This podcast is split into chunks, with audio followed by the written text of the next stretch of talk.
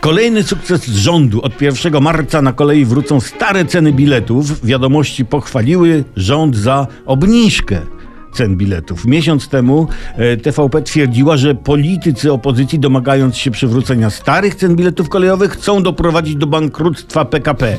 A teraz, kiedy rząd powrócił do starych cen, nazywa się to sukcesem. I różni tacy zarzucają telewizji polskiej i rządowi sprzeczność.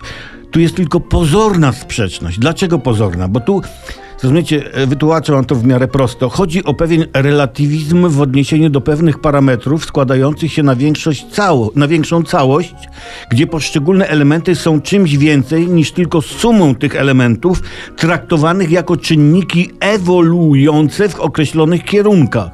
Na przykład do Łodzi czy Łomży. No i w tym kontekście czai się pytanie, czy obniżką cen można nazwać powrót do cen przed podwyżką, po miesiącu. Tak, można. Kto zabroni? Jak ktoś chce, to może powrót do starych cen sprzed podwyżki nazwać Stanisław albo Heniek. I co mu zrobisz? No nic.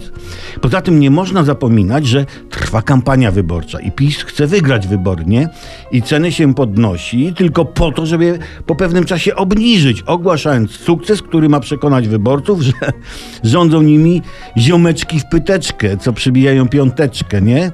Kolesie i babeczki do tańca i różańca, no w przypadku PiSu do różańca i różańca.